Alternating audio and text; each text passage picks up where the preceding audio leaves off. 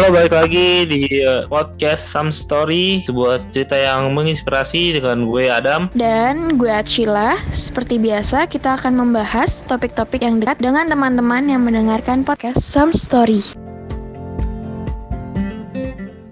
Sial, sial. Ya udah, Lo waktu kecil nonton kartun atau animasi gitu gak sih? nonton. Gue suka banget, apalagi sampai sekarang kayak gue selalu nonton kartun gitu sih. Gue selalu banget nonton SpongeBob, terus Dora, Doraemon, sama Barbie sih. Kalau Barbie tuh gue baik nggak ada yang bisa ganggu gue nonton Barbie sampai sekarang.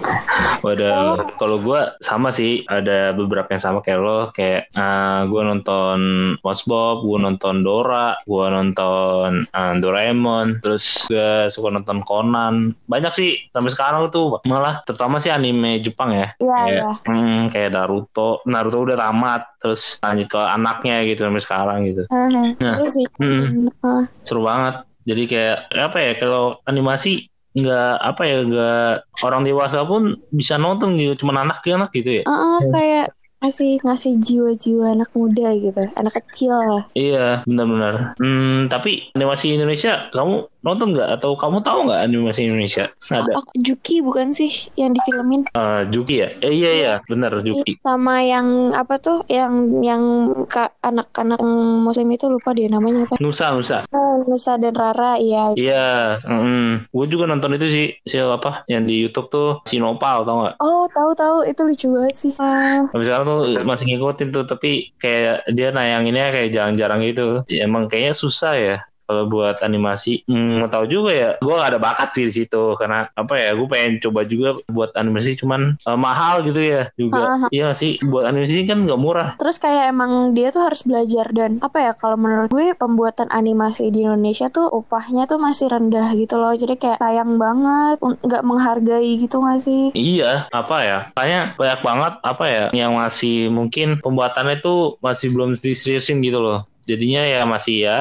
asal yang penting kayak berkarya aja gitu. Maksudnya itu juga banyak gak banyak dukungan dari TV nasional juga buat tayangin animasi-animasi Indonesia gitu malah. Mungkin ya ani eh, animasi yang dari luar aja sekarang udah jarang ya kan di TV paling banter paling Doraemon ya kan? Iya sih kemarin baru difilmin kan. Iya bener. Iya. Kayaknya setahu gue banyak juga animasi dari Indonesia yang mereka tuh lebih kerja di luar negeri gitu gak sih? animator maksudnya? Iya. Iya ngambil-ngambil pro Kayak animasinya tuh. banget kalau lo nonton animasi Indonesia kayak Tintin atau apa ya kan terkenal tuh eh, banyak banget animasi yang ini Doraemon aja lihat aja kreditnya pasti ada orang Indonesia yang pakai nama Indonesia banget. Serius. Iya pasti lo coba aja. Eh, lo lo coba lihat kreditnya nih lo selesai nonton film misalkan Doraemon Stand by Me ya kan yang terbaru Ah. lo lihat tuh kreditnya selesai nonton pasti cek ada nama Indonesia pasti yakin Oh my god, oh my god, demi apa seru banget. Mm-mm. Tapi, tapi Dam, Hmm. kalau anak sekarang tuh kayak jarang banget nonton animasi gitu, ya gak sih? Untuk anak-anak zaman sekarang ya, kalau misalkan umuran kita kan pasti masih rame-rame banget nih nonton anime yang gitu-gitu kan. Iya, kayaknya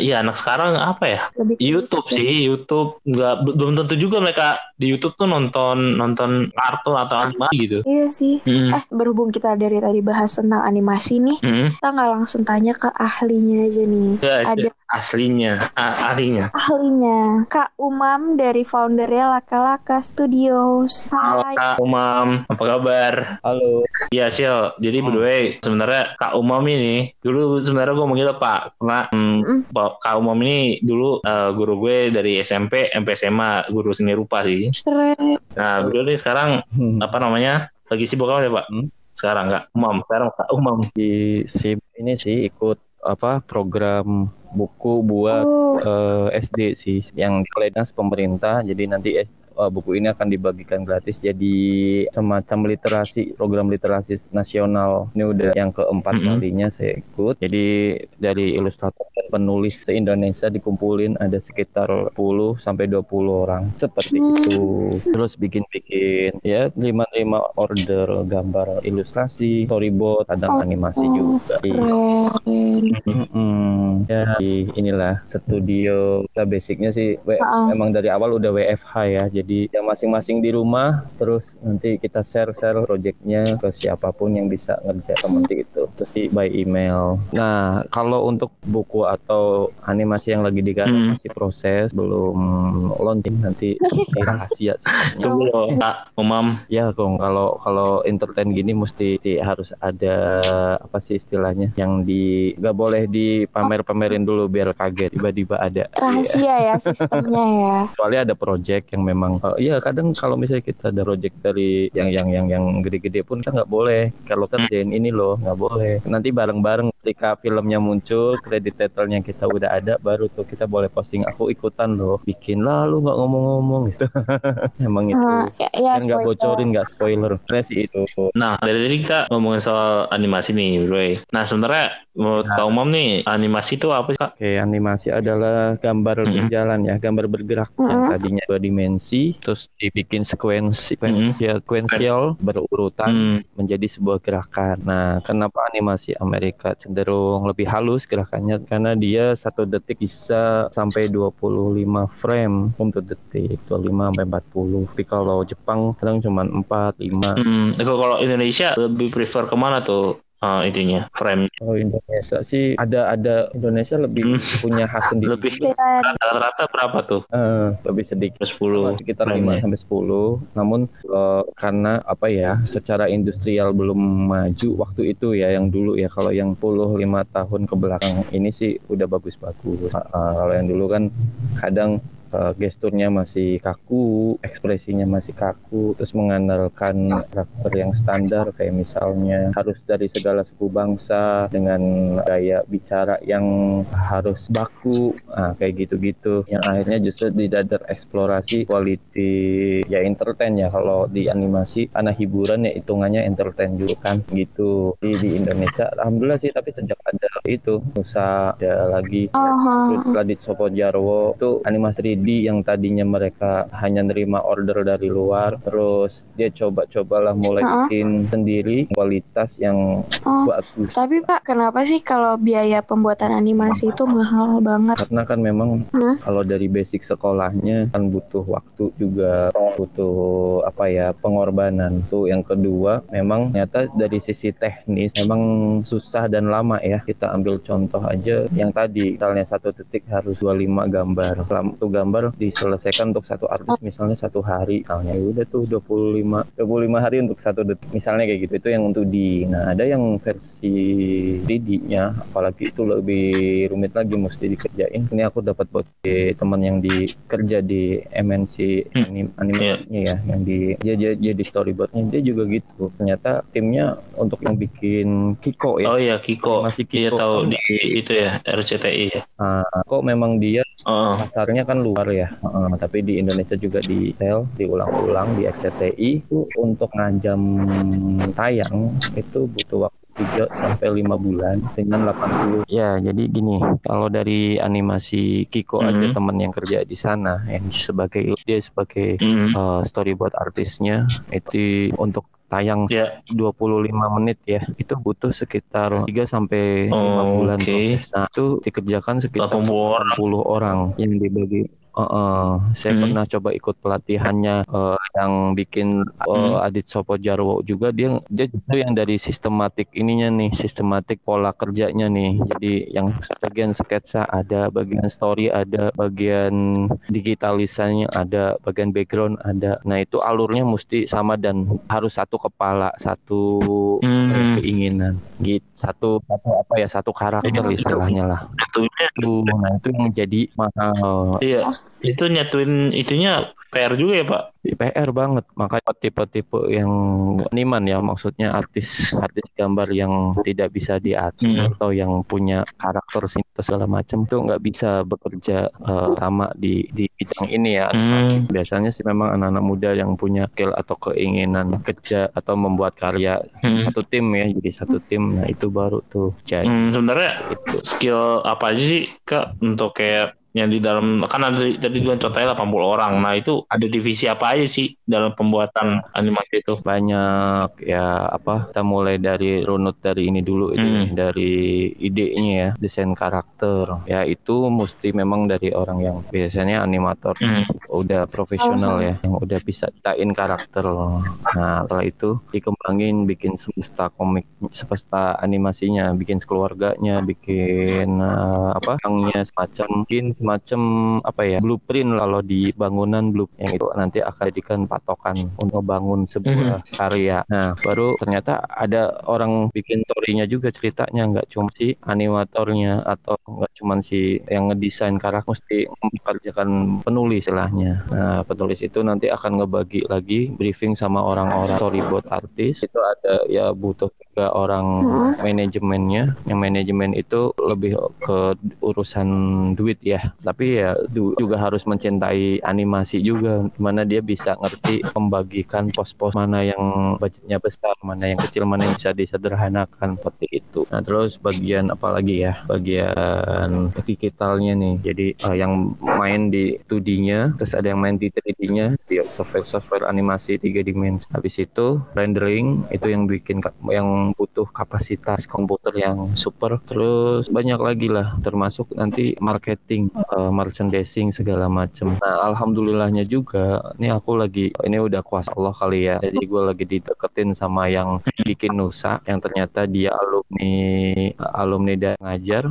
Nah di situ dua dikenalin. Nah, dia lagi memang pengen bikin film apa udah filmnya udah Oh, tayang. artinya sebelum pandemi. Cing eh, bulan Maret dia bilang. Kan udah teasernya tuh dan munculin teasernya kan lagi Iya. Januari Februari tahun lalu. Ternyata eh, eh, ternyata kan pandemi kan. Nah akhirnya dia sedikit ngedown dan beberapa karyawannya dia dirumahkan segala macam tapi dia bangkit terus dan emang diluruskan niatnya lagi untuk ber karena dia temanya Islam ya. Jadi Nusa itu di apa dibilang ya coba diluruskan lagi niat dakwahnya dibagusin lagi bagian-bagian tertentu nah dia niat banget ini menjelang Ramadan ini untuk launching Hmm. gitu.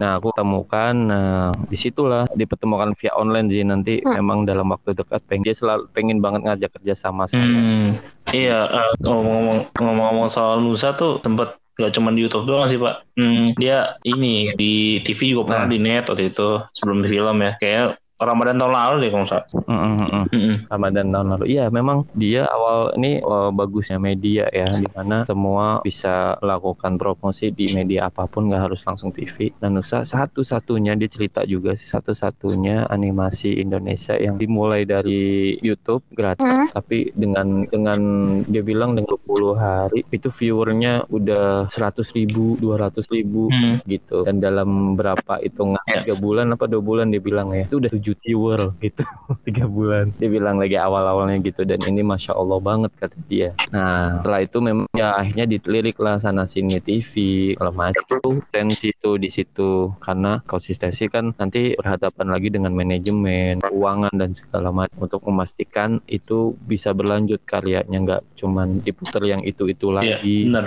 Ya kan Hmm. Oh iya kak, Mm-mm. aku juga mau nanya sih kenapa Mm-mm. di Indonesia sendiri nih, kalau menurut aku ya masih kurang dihargai banget loh untuk pe- Mm-mm. pembuatan animasi kayak pembayaran mereka, upah mereka tuh masih di masih kecil lah ibaratnya kayak dianggap rendah kayak ah animasi doang, gambar-gambar doang kayak gitu. Iya sih, memang kalau dilihat dari besaran nominal angkanya memang tadi bilang kecil dari kerjaan lain ya. Tapi kita bisa bergaining kalau kualitas gambar kita makin oke, kreativitasnya Oh. makin oke. Itu terus sama karakter yang kita ciptain itu memang punya punya apa ya istilahnya punya bergaining ya, punya kuat di mata di hati orang-orang. Kayak misalnya komik Tahi Lalat Ah, Uh, itu teman juga yang bikin dia untuk pasang satu iklan dalam satu episodenya itu kan kadang dia munculin nih produk sampo atau produk apa gitu kan di satu panel gitu kan itu angkanya 7 sampai 15 juta gitu. oh, oh, Mm. kali project berarti ya. drama uh, uh, ya endorse lah istilahnya ya. Ah. Nah ini cukup kuat dan ya berhasil ya.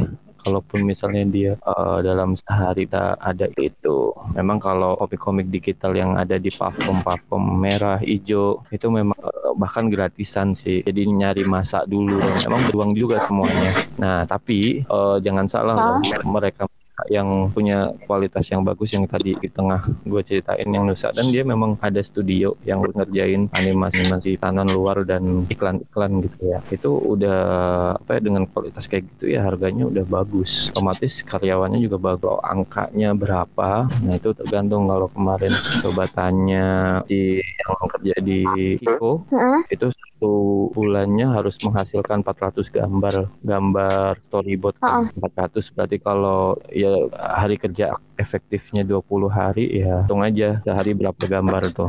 Nah itu dia angkanya 12 sampai 15 ribu. Nah kalau bagian-bagian eh, yang mungkin baru lulus SMA SMA kan banyak SMK anime. Itu memang standar UMR sih sama. Karena kan secara skill dan kualitas mereka kan juga masih dilatih masih masih belum bisa dijual lah istilahnya.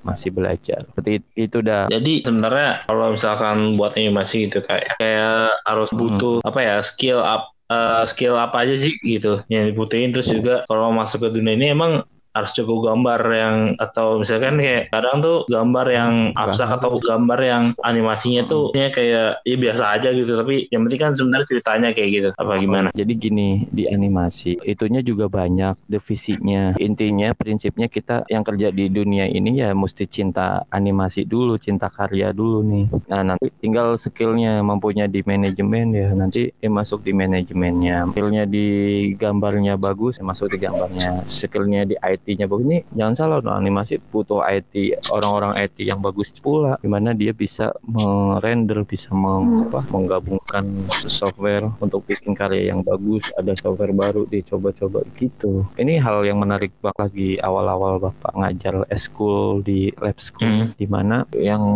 di eskul itu pun tidak semuanya jago gambar. Ada yang cuman pengen senang aja saya pengen nongkrong di sini kata kita pengen nyata hobi nonton anime dan ah, ya kayak gitulah ibu-ibu lah. Nah dia awalnya merasa tersisih karena karena tugasnya kan gambar mulu ya. Nah, untuk antara dia nggak bisa gambar. Nah tapi saya nggak mengecilkan hati dia juga. Kalau itu kalau lu tetap bisa nongkrong di sini tetap berbagi cerita. Nah pas giliran kita lagi ada treatment ngajarin nggak cerita dia jago bisa. Nah ini cukup bagus nih buat kerjasama sama orang anak yang jago gambarnya tapi ceritanya jelek. Nah tuh. Dan ada satu lagi ternyata dia nggak bisa cerita nggak bisa juga gambar. Nah pas giliran komik-komik anak-anak udah kelar bagus takin kita buka lapak di eh, ya bazar-bazar gitulah. Open house eh open house ya Heeh. sekolah. Eh dia malah jago jualannya ngerayu ibu bapak yang datang guru-guru juga.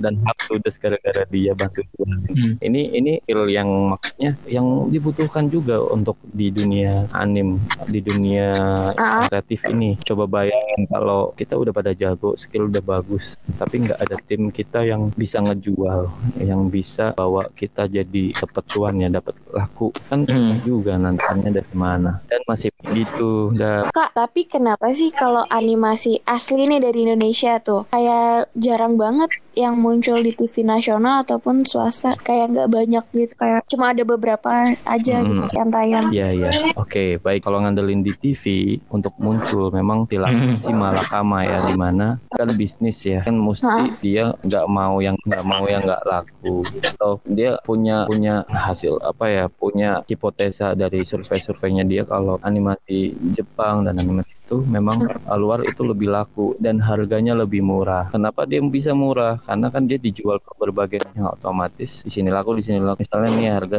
100 juta episode gitu. Mm. Nah, dia sementara uh, untuk produksi 500 juta misalnya satu episodenya. Nah, dijual ke lima negara itu udah cukup Hmm. balik modal ya kan misalnya. Nah, sementara kita di Indonesia aja misalnya udah produksi 500 Iya. juta, tapi TV nasional uh, dia nggak mau langsung bilang 100 juta lah. Bilangnya mungkin 5 juta dulu, 10 juta dulu deh taruh. Coba 10 uh, episode laku nggak? Kalau nggak, maksudnya penonton jumlah penonton rating, iklan nggak ada yang mau taruh. Udah pasti akan akan langsung jatuh Hmm. kayak gitu. Paling yang kuat dan yang lama itu justru yang memang animasi bikinan uh, stasiun TV-nya sendiri. Adi Soko Jarwo emang dalam yang di uh, Kiko kan dia pun nggak berani uh, berlama-lama atau ditaruh di luar yang uh, tema-temanya umum. Kayak misalnya Kiko kan temanya umum tuh. Kalau Adi Soko Jarwo ditaruh di luar, dijual luar paling Malaysia, di Amerika di mana udah nggak laku, udah beda nih apa maksudnya tuh. Nah makanya ada beberapa animasi yang das artinya bisa dijual di mana pun tapi minimal budget kayak apa Uh-uh. coba yang tanpa dubbing yang tanpa suara misalnya Larva terus Sound Hmm. Kan tanpa dubbing tuh Eh, gaya lelucon dan kehidupan lingkungannya pun di semua negara bisa masuk gitu soalnya kalau pakai suara dubbing ya dia butuh biaya lagi Yang pengisi suaranya gitu ya. terus karena leluconnya ma- masuk walaupun diulang-ulang pun masih segera Hmm. aja. Padahal episodenya itu dulu gitu. Ya itu dunia ininya sih apa ya ya di mana kita mesti jualan. Tapi ini juga hipot- hipotesa Hmm. atau anggapan saya ya. Mungkin dan berdasarkan pengalaman saya ngobrol sama rekan-rekan animator bisa jadi ke depan sih insya Allah lebih baik lebih cerah. Karena memang media udah makin banyak kadang malah TV justru ngambil-ngambil di Hmm. on ya kan untuk jadi programnya dia Tuh, artinya sebenarnya udah berbalik nih TV yang agak gelagapan kayaknya sih dan itu kesempatan baik buat kita untuk eh, ya dengan segala kualitas yang ada mungkin eh, bisa jadi animator-animator lokal di YouTube terkenal di TV kan aturan Hmm. banyak aturan Sensor gitu ya sensor. kayak Sinopal animasi Sinopal itu kan viewernya Iya. Banyak banget kan gaya leluconnya. Iya. ya gitu kan. Aneh. Bahasa juga tar. Mana mau TV masuk ya kan. Maksudnya kasarnya masih itu sih gitu. eh, apa ya masih lalu sih masih normal ya kalau sinopal ya. Kalau tapi TV nggak apa Iya. Iya, bacot gitu kan. Tuh itu kita sensor itu di TV Hmm, jadi apa ya satu alasan juga kali ya eh, kenapa animator lokal Iya. itu lebih milih ngerjain project animasi di luar gitu kan. Yang tadi singgung di awal kayak kalau nonton apa Tintin atau Doraemon pasti di kredit soalnya tuh namanya orang Indonesia. Hmm. yang yang ngerjain komik-komik luar teman-teman banyak harga per page-nya lumayan bagus-bagus tuh. Tapi misalnya nih angkanya ya misal aja sih ini page-nya misalnya 300 dolar untuk gambar komik Ah. Amerika misalnya. Kalau di Indonesia paling gede-gedenya nggak lebih dari 300 ribu. 300 ribu kan berarti cuman berapa dolar tuh? 15 dolar. Wah, dikit banget ya. Gitu gitu. Jadi kalau emang yang punya kualitasnya bagus dan bisa ngejar sana Amerika banyak tuh teman-teman juga yang kita memang ngejain komik-komik sana. Kadang cuman warnain doang outline Hmm. doang. Ada yang kayak gitu. Outline selat-selat kayak gitu. Kan aku masih kayak apa ya tabu banget gitu kan. Kak dari tadi kan kayak ngebahas tentang animasi apa segala macam komik gitu. Kayak aku masih tabu banget kan. Kayak aku bisa nanya langsung ke kakak kayak dunia dunia Iya. komik tuh gimana sih kayak dunia animasi tuh sebenarnya gimana aslinya kayak dunia kerja atau dunianya orang-orang eh, yang semua kali ya komik kan kayak aku ngobrolin tentang semua ya komik yang Ya, jadi gini, apa ini komik eh, apa pernah ikut juga nih web eh, Hah? seminar gitu seminggu khusus untuk menggarap bahwa komikus itu sebenarnya ini ya, jadi layaknya Tuhan Ah. dia bilang. Karena Ah. dia mampu menciptakan, mampu membuat ya, jadi menjadi karya gitu. Nah, dia layaknya Spider-Man, Superman kan awalnya dari komik-komik dulu kan Iya. dijadiin Ah. film dan karakter yang kuat untuk sosok Doraemon pun dia udah jadi jadi duta dutanya orang Jepang tuh duta negara Jepang. Nah itu itu tujuh turunan itu. Oh. Dapat royaltinya. Ah, yang pasti intinya kalau di orang-orang komik tuh biasanya memang dia punya kecenderungan mem- membuat apa ya atau bercerita yang berlayer-layer. Maksudnya apa ya imajinasinya yang berlayer. Jadi kadang oh ini bisa jadi gini ini bisa jadi gini. Di dunia kerjanya juga gitu. Kalau ketemu anak-anak teman sesama komikus ya gitu lucu-lucuan. Kita nggak ada senioritas ada yang ada ya kita jago bagus-bagusan karya Nah, Kak, tadi kan kita udah bahas nih tentang kayak animator, uh, komikus, komik, dan lain-lain. Kakak juga pernah bilang Iya, kan kayak dulu. ngajar juga ya di lab school. Al-Azhar Kakak tuh ada tips gitu gak sih bagi untuk teman-teman nih yang lagi ngedengerin podcast ini untuk mau masuk ke dunia animasi baik. atau ke dunia komik gitu? Eh, kamu yang memang suka dan pengen masuk dunia ini komik dan animasi eh, intinya sih prinsipnya kita punya kecintaan dulu Ah. dan punya impian kita dan karakter kita itu akan maju dan kita bisa hidup dengan itu itu nah yang kedua baru kita uh, belajar tahuin diri kita tuh skillnya di mana ya. Skillnya kalau kita emang digambar ya udah kita maksimal. Kita komputernya jago juga berarti kuasain juga digitalnya. Uh, ya. Nah itu intinya sih. Ah, Nah, tinggal gimana kita bisa memaksimalkan punya referensi, punya referensi karya, referensi tokoh, dan kita tahu eh, panutan. Nah, itu tuh panutan. Bisa jadi insya Allah. Jadi banyak murid-murid gue yang dari awal dulu SMP udah jadi ilustrator gede, mahal dan lebih harganya lebih mahal dari saya juga banyak.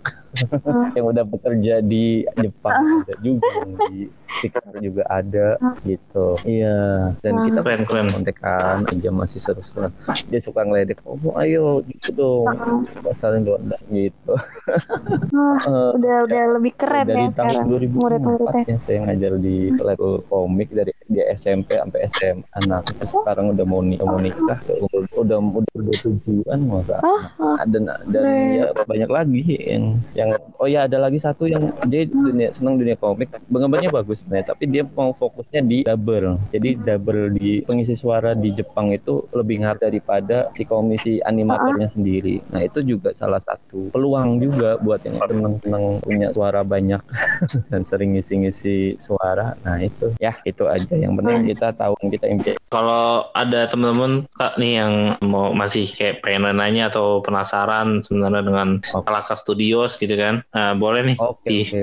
Uh, promosikan. Ya boleh. Jadi Instagram. Instagramnya. Instagram gue umam.lakalaka ada juga websitenya da- www www.lakalakakreatif.com di situ kamu bisa Oke. DM bisa nanya-nanya. Eh, kalaupun punya skill terus pengen coba ikutin juga nggak apa-apa. Nanti aku kasih kerjaan.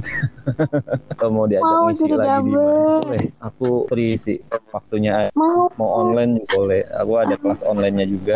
Ada YouTube channelnya cuman masih simple. Bukan tutor atau digital aja mat gitu channelnya sama namanya Umam Laka Laka subscribe ya guys. Siap. jangan lupa. Nah buat teman-teman juga yang mau kasih next konten untuk podcast kita atau mau ajak kerja sama bisa banget langsung DM Instagram kita ke podcast underscore some story atau ke email kita podcast some story at gmail.com Thank you banget buat teman-teman yang telah mendengarkan podcast ini. Thank you banget Kak Umam yang udah mau ngisi. Yo yo yo. Sama Udah sharing-sharing. Adam dan ah, iya Acha. ada semuanya Um, see you on next episode dadah. Bye.